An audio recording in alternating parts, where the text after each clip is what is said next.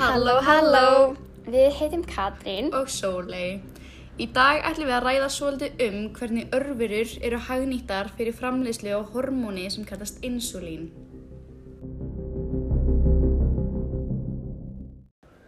Já, tæknin er alltaf að þróast og við lifum á tímum þar sem tæknin hefur aldrei verið meiri og þá sérstaklega í læknavísindunum. Tæknin að borða við róbóta framkoma aðgerðir að þríti brenda líffræri og genalækningar. Genalækningar felast í því að koma nýjum heilbröðum genum fyrir líkamannum, nótkun örfura til að framlega insulínu einmitt dæmum genalækningu eða tækni. En Katrín, hvað er eiginlega insulín? Insulín hefur veiga mikið starf í líkamannum og er það framleitt í brísinu. Brísið er kirtill en er ekki eins og flesti kirtar líkamanns, heldur er það bæði útkirtill og innkirtill.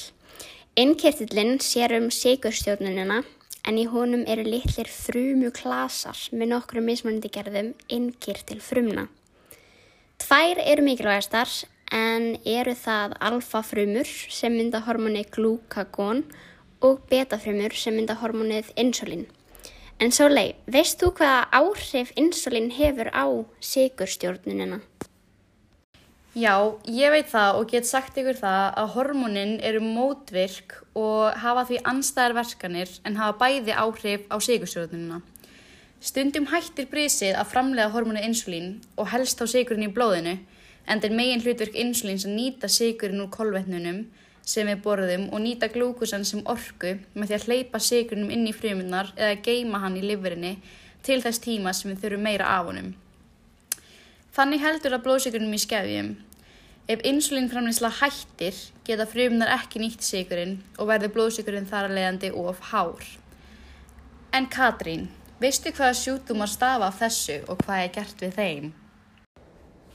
Það er svo mikið sem til dæmis sjúkdómurinn sikursíki 1 sem stafar að þessu og þá er insulín tekið úr svínum og unni þannig að einstaklingar geti fengið það utanfrá, til dæmis með spröytum. Annar sjúkdómur, sikursíki 2, stafar að því að insulín viðnám er í líkamannum sem þýðir að insulín virkar ekki nægilega vel til að hleypa sigri í fruminnar. En býtu, hvað með sikursjúka sem vilja vera vegan? Já, Katrín, gaman áskildi spyrja því það er að sjálfsögja til lausna því vandamáli því að hægt er að nýta örfurur við framleiðslu á insulínu. Ok, ok, en áhugavert. En hvaða örfurur eru eiginlega nýtta til þessu leið? Örfurunar sem nýttar eru við framleiðslu á insulínu eru til dæmis bakterjutegundin Escherichia coli, ég veit ekki hvort það sé að berða þetta fram, En E. coli, eins og við betur þekkjum hana, og gerðsveppurinn Saccharomyces cerevisiae e, er gerðna notað. En Katrín, vist þú eitthvað um þessar örverur? Já, heldur betur. E. coli er stanglaga gram neikvæð bakterja.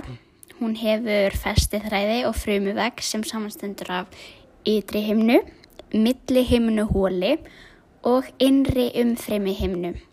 Sumur stofna þeirra geta tekið við og flutt plasmið til og frá öðrum bakterjum. Jafnvel þó að þær hafi mjög einfalda frumuppbyggingu með aðeins einlitna DNA og plasmið geta þær framleitt flókin efnarskipti til að viðhalda frumuvöxtunum og skiptingunni. Saccharomyces cerevisiae geta verið í tveimur mismunandi gerðum, einlitna eða tvílitna. Þær eru venjulega að finna á tvílitna formi. Þær eru spóruskilaga en tvílitna formið er kúlulaga. En nú veldi eflust fyrir ykkur hvernig í óskupunum það sé hægt að fá insulín úr örfurum. Sólei, segðu okkur meir um þetta. Ekki máli Katrín Bitnam, það skal ég gera. Svo kallar genasplæsingar eru notaðar til þess að framleiða insulín með bakterjum. Ferli fer þannig fram að insulíngeni úr DNA mannsins er klift með skerðis enzíminu E. coli og er því síðan skotið inn í plasmiðið í bakteríunni.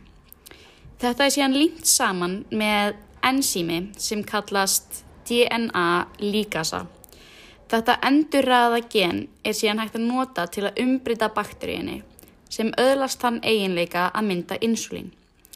Þannig þegar bakterían umritar og þýðir genið myndast insulín í svokalliðum fermentation tank eða gerjunartanka á góður í íslensku. Síðan er insulínið einangrað og hreinsað og tilbúið til notkunnar fólks.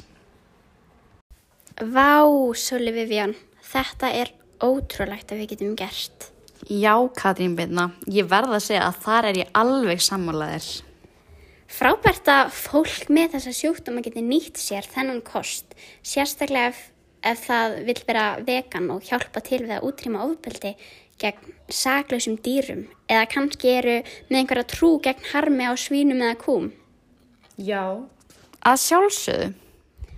En Sóli, myndið þú segja að það væru einhverjir gallar á því að nota þessar örfurur fyrir insulínframleiðslu?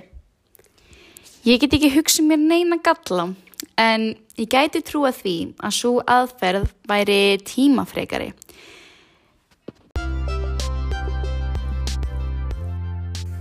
Já, Sóli, það er að vísu góður punktur. En það var ekki meira hjá okkur í dag. Er það nokkuð, Sóli? Nei, ekki meira, ekkert meira var hjá okkur að lista í dag. Þá segjum við bara takk í dag og Bless!